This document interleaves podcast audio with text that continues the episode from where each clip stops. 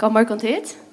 Ja, jeg skal tale om et evne som jeg har kallet gleden og tog som er mengen mer verst. Det er et vers som særlig har gripet meg senest, og i sin personen som vi kan i Filippebraven og det er verset. Men det som var med vinninger har vi er for Kristus har skuld råkna for tap. Ja, sannelig er råkna til alt for tap mot det tog som er så mengen mer verst. Erkjenna Kristus Jesus, Herre min. Og så forteller han hvor gjør det. Og det er nok så stort litt at jeg, da jeg først fikk disse versene, så jeg var ikke sundagsskola, og jeg var ikke møte alt mitt liv, og jeg var faktisk sundagsskola når jeg var ekstremt engasjeret i å lære minnesvers.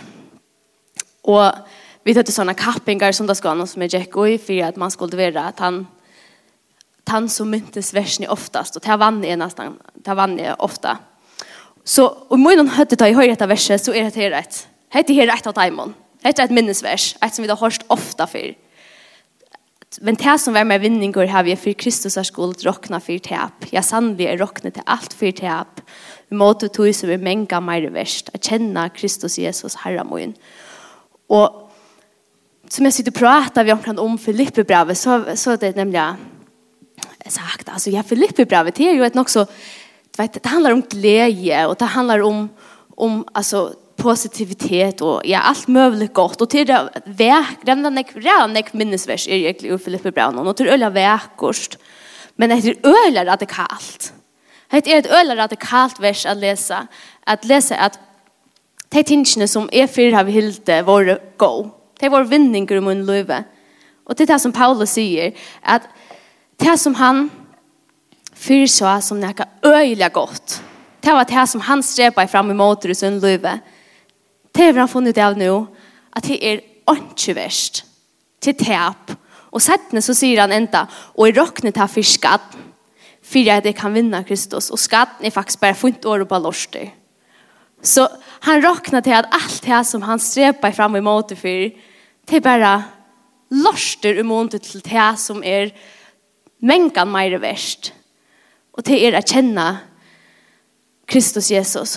Og Paulus, hvis vi videre synes om han, om æren han møtte Jesus, så har han faktisk et øyelig godt liv ut fra, ut fra de samfunnsnormene som var her som han boer. Han var Og derfor er det som snakkes ikke vi om settene, til det kommer, han forteller i sin bråten om omsutt liv i varen. Men han har et øyelig godt liv. Men alt det, det var ikke verst, i mån til det som han nå høver seg, det er å kjenne Jesus. Og jeg halte vi for å lese tabråtet som vi skal ha om i det. Det er Filippe brevet, kapittel 3, og vers 1-16. Det er ikke lengt, og her er rævla nekv. Rævla fyllt Så hvis de bare ser at det kommer vel til rette, så hvis de tar en biblie, så må de gjerne slå opp og være lustet. Og så gjerne brøver må inn. Gledes i herren at skriva hit saman til tikkara trøytar mig ikkje, og det er tikkon tryggande. Her vi egin etter hunden her vi egin etter hinnon ønt og arbeidsmannen, her vi egin etter sunderskjeringene. Tu vid i hinner omskårene, vid som tjena gode og i anda hansara, rosa okkon og Kristi Jesus, og ikkje seta lojt okkar til holde. Ja, jeg hevet her, som jeg kunne sett lojt mina til. og i holden og vi. Helt du nekker annars kunne sette løydsvinna til holde, så kan jeg ta mer. Er jo omskåren åttende dagen, er jo tjå uskjels av at Benjamins, hebreere av hebreeren, etter lovene farisiere, så ugen være at jeg la etter samkomne, og i rettvisene etter lovene være ålastande. Men det som var med vinninger, har vi for Kristus har skuld råkna for det til Ja, sannliga, er råkne alt for tap, måte tog som er så mengan meir verst. Jeg kjenner Kristus Jesus, Herre min, for hver skuld jeg har mistet alt. Og jeg råkne til fiskat, for at jeg kan vinna Kristus og være funnen i hånden. Ikke vi rettvise mine, henne som er loven i er, men vi rettvisene som er vi trygg av Kristus, rettvisene fra gode som er grunn av trygg.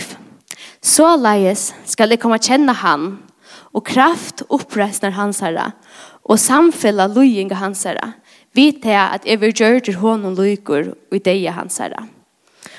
Om jeg tok under nått til oppreisner fra hinnom deg jo. Ikke at jeg har vunnet det, eller langt eller er det fullkommen langt, men jeg stevner etter tog, om jeg tok under vunnet det, ved at jeg selv er vunnen av Kristi Jesus. Brøvor, jeg halte ikke om meg sjolvan at jeg har vunnet det, men eit gjer jeg. Jeg gløymer det som at han fyrir er. Rette meg etter tog som fremman fyrir er, og stevne mot malen til syerslønna som god av hattene hever kattel okkon til i Kristi Jesus. Læt okkon ta, så mange som fullkomne er, heva hetta sinnalega. Og er okkors som vi tid huksa ørvoisi om, skal god oppenbera til okkon til vi. Besta vid, så lengt som vid er kommet, genga som lei. Her er øyelig nekk for som versen om. Her er, jeg kunne valgt å tale om alt mulig. Så det her er sånne vers som faktisk fortelja nek fundamental ting om du kristne trunna og hava djupa sannleikar om alt mulig. Bare for at nevna noen evner som er i som versen, så er det fralse fra lovene, a stevne mot målen noen, einleitje og a genka som lei, rattvise vi tryggv, til a vidir følgods og vidir hinne omskårene.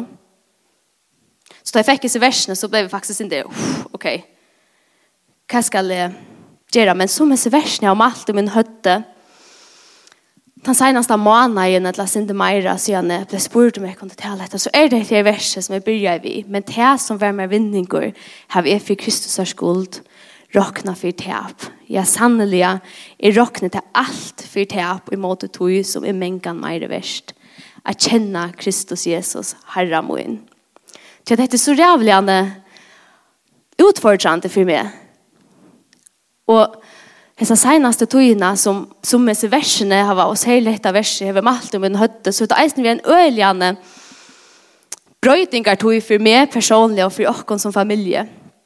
Til at uh, 24. juli så flyttet vi heim atter her til Førjar. Atna at jeg vidt har bodd i Danmark i nøkker år, og opprunallig er det faktisk 20 år siden jeg flyttet av landet noen. Og jeg har det senaste åren arbeidet på nekvim ting. Men til annet så har vi finnet en oppbygging. Och det var nek stru og strev. Eisen nek positivt, men eisen nek stru og strev. Og det er nekka som jag faktiskt veldig stolt av. Att nu blev vi äntliga Lio. Tölta juni blev jag Lio uppbyggning som landskapsarkitekt. Och nu kan jag för att arbeta och bli bättre till det. Och det blir en stor parster av tog som, som som jeg velger ut fra, jeg velger hva jeg skal bygge ut fra, hva jeg arbeider for jeg, og jeg bruker ikke nekva mine tog og nekva mine orske for til at, at hukse, ok, hvordan kan jeg gjøre godt arbeid her som er, så at her som er et arbeid, så sitter jeg med som, som nekva en, en stånalige, en som du vel at arbeid som landskapsarkitekt, en som du vel at være kreativ, og ta fytler øyne nekva mine, og mine sinne. Og samståndet så, Leita vi deg i en sted jeg bygva, Og det er ikke alltid bare bare her i havn. Og, og det er fyller eisen i øyene, ikke? Det er tingene som kvar tap tap blue resort jag vill gärna bygga här det här är coola bygga det här heter det här hattar det är ser tinchne och tror inte jag håller faktiskt inte att här inte gäller vi att jag var glad för sitt arbete jag var stolt det vad man har klarat näka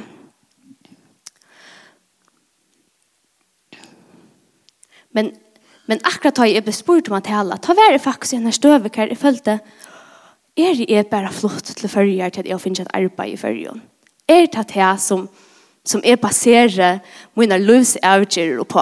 At jeg har finnet et arbeid, og tog bygger vi her, så får jeg få et sted å bygge, og så bygger vi her, og så bruker jeg mine tog på at kjøpe møbler, og å fytle inn i hus, vi tusen skulle fytles vi, Og til sjølvante skulle vi ta, og det gjør vi et ødel, og det bruker vi et ødel akkurat tog på, men jeg var sjølv, og, og kanskje stadigvæk er det, og tog det nok så personlig tala kanskje for meg, og noen steg her, og nei, det er ikke det mot liv, og i botten og grunn skal handle om.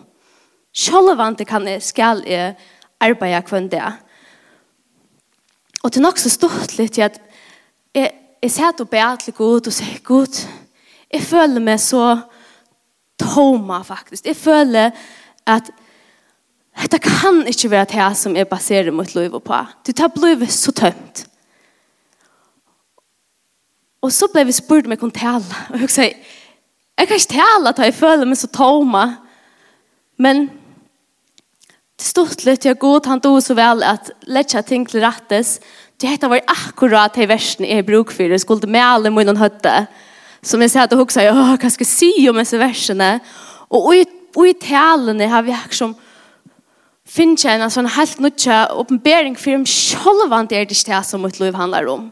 Självan det det noe annet anna som vi noe anna som är kan som är mänkan mer verst. At det her gleden i livet noen kommer fra. Det her er den ganske tomleit som man også kan føle til det noen tar alt bare ganger opp i res og opp i at til tingene som vi gjør jo akkurat til det og som vi sjåvande skulle gjøre. Men hvordan kommer vi til til at vi har en glede og til tar vi skilja til at gleden kommer fra nøkron som er mengen mer verst enn den gleden som vi kunne oppnå og gjøre til å mulig og øren tingene.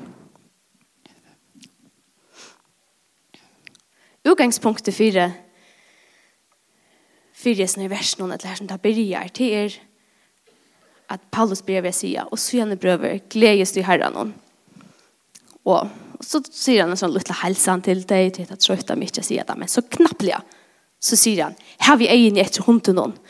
Har vi egen etter sånn ønt og arbeidsmånen har vi egen etter hundeskjøringene så det er sånn løy faktisk. Til Paulus byrjar øyla vekkort og øyla fikt faktisk.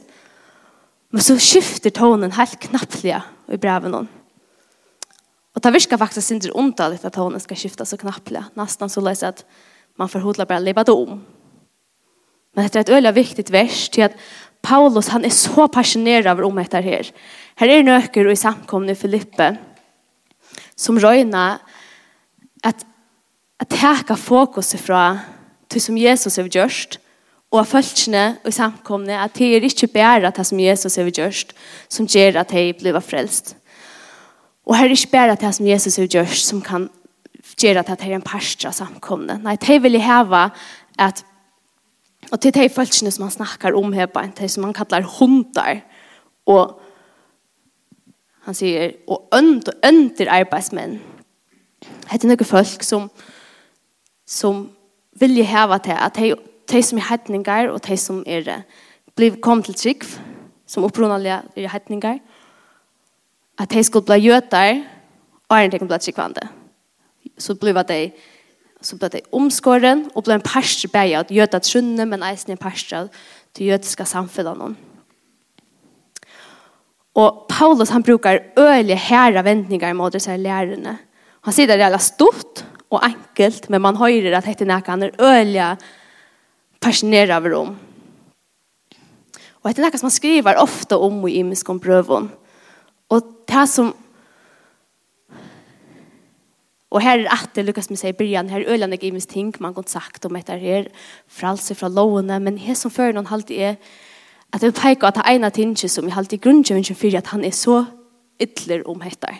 Och det är det här at folkene de slipper ikke å sutja at Jesus er han som frelser deg. At Jesus er han som, som de skulle sette alt sitt alit til. De skulle ikke sette sitt alit til at de først skulle bli jøder og bli en parst av noen folke og være, og være alt møvelig utvorstes i hessen heimen. Men det er Jesus som skal være at herre, det er felaks endamål i løven noen. Og så gjerne så fer Paulus vujere i bråten noen. Og, og man kan si at her er en sånn bare en argumentasjon og måter det som folk og noen, og måter det som han lukket nøvner først, at jeg skal holde egen i etter det som er sånn rart noen som er kommet frem i dette samkommet. Men til eisen er en, en, en avmenning til samkomna om at det var egen egne venter rett av sted. Og den den sentrale bådskaperen som Paulus røyner får fram. At her og allit i løyvene skal ikke være å det som de selv kunne oppnå i løyvene. Det som de skulle oppnå først til at det kommer til, altså det kommer til omkjøringene, så kommer det bare til at det er en religiøs handling hver man, hver man sier, ok, vi er gjør dette her, så vi er en parst av en bølge av følge som høyre til god. Men til eisen er samfunnlagsting, at så blir man en parstra samfunnet noen. Og til åkken så kan det bare, det kan være bæg også. det kan være at omkring av åkken brukar ølene hva tog på at vi aksepterer og samkom i høpet. Og halte til at hvis vi synsja, eller hvis vi brukar ølene hva tog på at fyra kan gå til alle, eller at gjøre alt mulig, så har vi akseptera det kanskje her, og i samkomne. Etla så røyna vi kanskje gjør imes ting ute i, ute i samfunnet noen. Og ta ser man eisne at at Paulus han brukar sin egna vittnesbord så igjen i bænt a fortelja at her var noen ting i hans liv som han sa som vinninger. Han struttest for å oppnå noe sin liv men som visste seg over ikke verdt. Og da leser vi om i vers 4, her sier Paulus, Ja, jeg har noe til som jeg kunne sett lyd meg til, og jeg holdt noe vi. Helt du nekker annars jeg kunne sette lydsvinna til holdet, så kan jeg ta mer. Jeg er omskåren åttende dagen, jeg er av tjå Israels, av at Benjamins, hebreare av hebrearon. Etter lovene farsiere, så ugen vær er at jeg la etter samkomne, og i rettvisene etter lovene var i ålastande. Paulus har status i samfunnet. Han har brukt sina tog på, altså for det første så var han født ur en familie som var högt standande i sina samfunnet. Han var at Benjamins, det var en særlig at. Han var hebreare, han var farsiare. til en, en, særlig bølger av folk som kjente lovene, och som ånder hukte upp till så att det tid vidare hva de snacka om tid känna låna och i samfunnet så hade folk sagt ja du är en vinnare han helst sig själv han var en vinnare och ånder hade eisen sagt bäge til i samfunnet, eisen jo, eller te te skikkvante jødene, men eisen ånder hade sagt ja du er cool du är en vinnare du har verkligen näka bjöa på Men Paulus forteller så videre, og her kommer vi til det verset som det var fokusera mest på. Men det som var med vinningar har vi for Kristus har skuld råkna for täp. Ja sannoliga är råkna til alt for täp. Og i måte tog som er så mänkan mer verst. At känna Kristus Jesus. Herra min, for hver skuld jeg har mist alt. Og i rockna till fiskad for at jeg kan vinna Kristus Og vara funnet av hånden, Ikke vi rettvis mine, henne som er loven gjør, men vi rettvisene som er vidt av Kristus. Rettvisene fra gode som er grunnt av skikv. Så leis skal jeg komme kjenne han, og kraft oppreisner hans herre, og samfella loyinga hans herre. Vi til at jeg vil gjøre til hånden loyker, og i deg hans herre. Om jeg tar kunne oppreisner fra henne og deg. det er faktisk nok så utroligt hvordan hvordan hoar tankar Paulus hever om Jesus. At her er ikke anna i hans liv. Alt det som han strujas og strevas fire, til er ikke verst i mån til det at han sier først, er kjenne Kristus Jesus. Og så gjerne fer han så over til i vers 12 her som vi forklarer syndromen. Hva er det for noen ting som han ikke skulle fytle i hans liv? Han sier, ok, hva er det som ikke skal fylle? Det er ødelese tingene, det er status, og det er til at høyre til igjen av som bølge, eller det er de tingene som jeg har suttet og strevet for å oppnå, til åkken kan det være til til å være vel lutt mellom følelsen her i samkomne, eller og i samkomne i følgen som held, eller ut i samfunnet, altså til at, at, at være alltså folk också okej okay, to to do näka to to vad ska du snacka om eller till att ha status generellt. Tack han tack han fyll öla nek chokon och ta gör det där sen Paulus men han säger i har funnit det av att det är mängan mer värst att satsa på att komma känna Jesus än att satsa på hinne tinchne. Och så säger han att det som han får bors ur å komme kjenne Jesus, det er at han får kraftene og i oppreisene til, han, til honom. Og at fytla i hans her løyve. Og han får samfølge og i til hans her. Og vi til at han og hans her kraftene og i oppreisene og samfunnet og i hva betyr det? Det betyr at, at vi beger er ganske og i løyensene til Jesus er som vi suttet til at god, at vi skilja at han er tidlig okkara sind, at vi skilja til at, vi, at han er han som hever tidlig sina sind på passe, og at okkara sind på passe, og at han er han som, som vi skilta alt til at det samme. Og eisne samståndes, at vi skilja at her er en kraft som kommer i honom. Det er ikke bare etter her at det er lojingen og videre i ånden, at vi får eisne kraftene, at kraften att leva livet som han har lagt ut för oss. Och Och vi att vi skilja till så vi vet att gjort honom lik.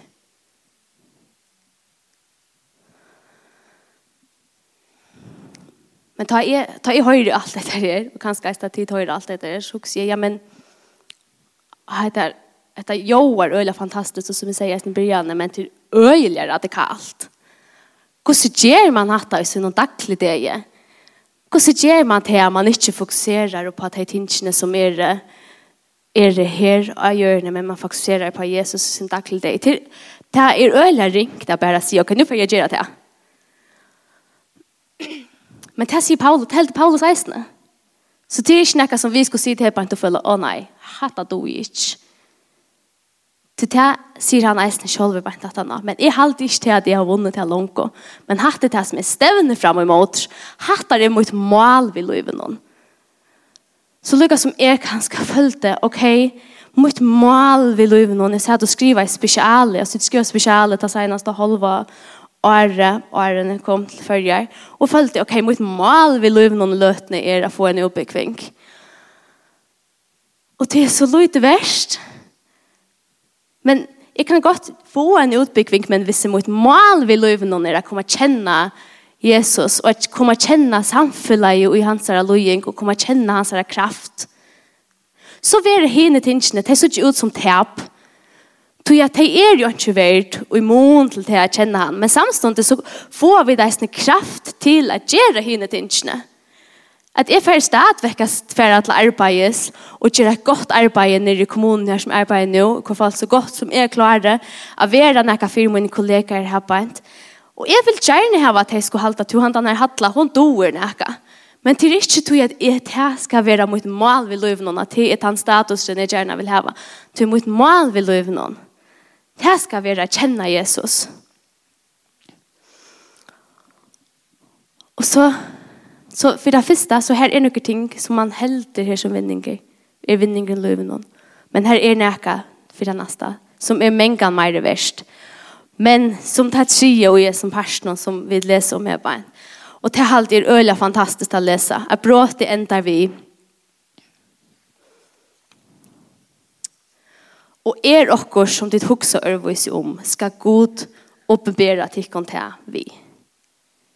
Og til det her som er alltid er fantastisk, til det at dette er ikke noe som vi skulle huske. å nei, hatta klarer jeg ikke. Til god innskje at åpenbere dette for jokken. God innskje at åpenbere for jokken hvordan store han vil være i okra livet. at han skal være okra mål ved livet noen, at han skal være det som vi lever for, det som vi får opp for i morgenen, og det som vi vil ikke kunne sove for om dagen, og det som vi sitter og hoksa om, det vi hoksa, åh, oh, jag har yngst. at det skal handla om Jesus, det skal handla om att känna han bedre.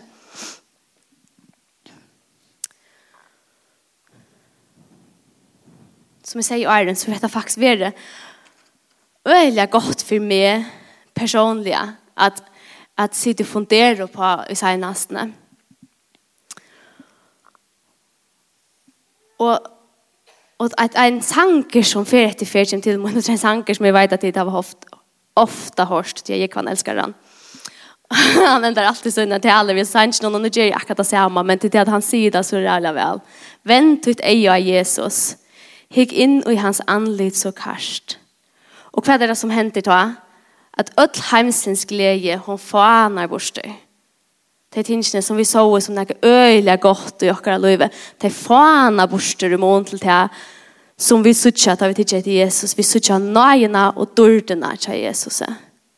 Og vi suttja vi suttja bæje det som han har gjørst for oss, og vi suttja ta kraftene som han kan gjøre oss i oss dagligdeie. Og jeg byr bare om jeg vet, som er i hebban, skulle skilja til at god innskjer at åpenbære det er for oss. Og jeg sier det akkurat lukka nek til meg selv, sjálv hans sier det til dikken, jeg har bruk for jeg god oppenbærer det er for meg kvann morgen er ferdig opp att det är hetta det handlar om i löven någon. Och den kristne tryck eller te att fyllas vi Jesus. Te är det ting som vi kan göra så inne. Det är et ting som ska vara fist och jag løyve. löve. Och det kan være øyelig radikalt. Och det kan være øyelig en ekvislet att hukse om att det ska vara det första i våra løyve. Att Jesus han ikke är fyrst og til noe som vi lærer, og i allt är Filippe bra honom. Att Jesus han er han vi skulle sette och og alltid, og i ötlån livsens vidskiften.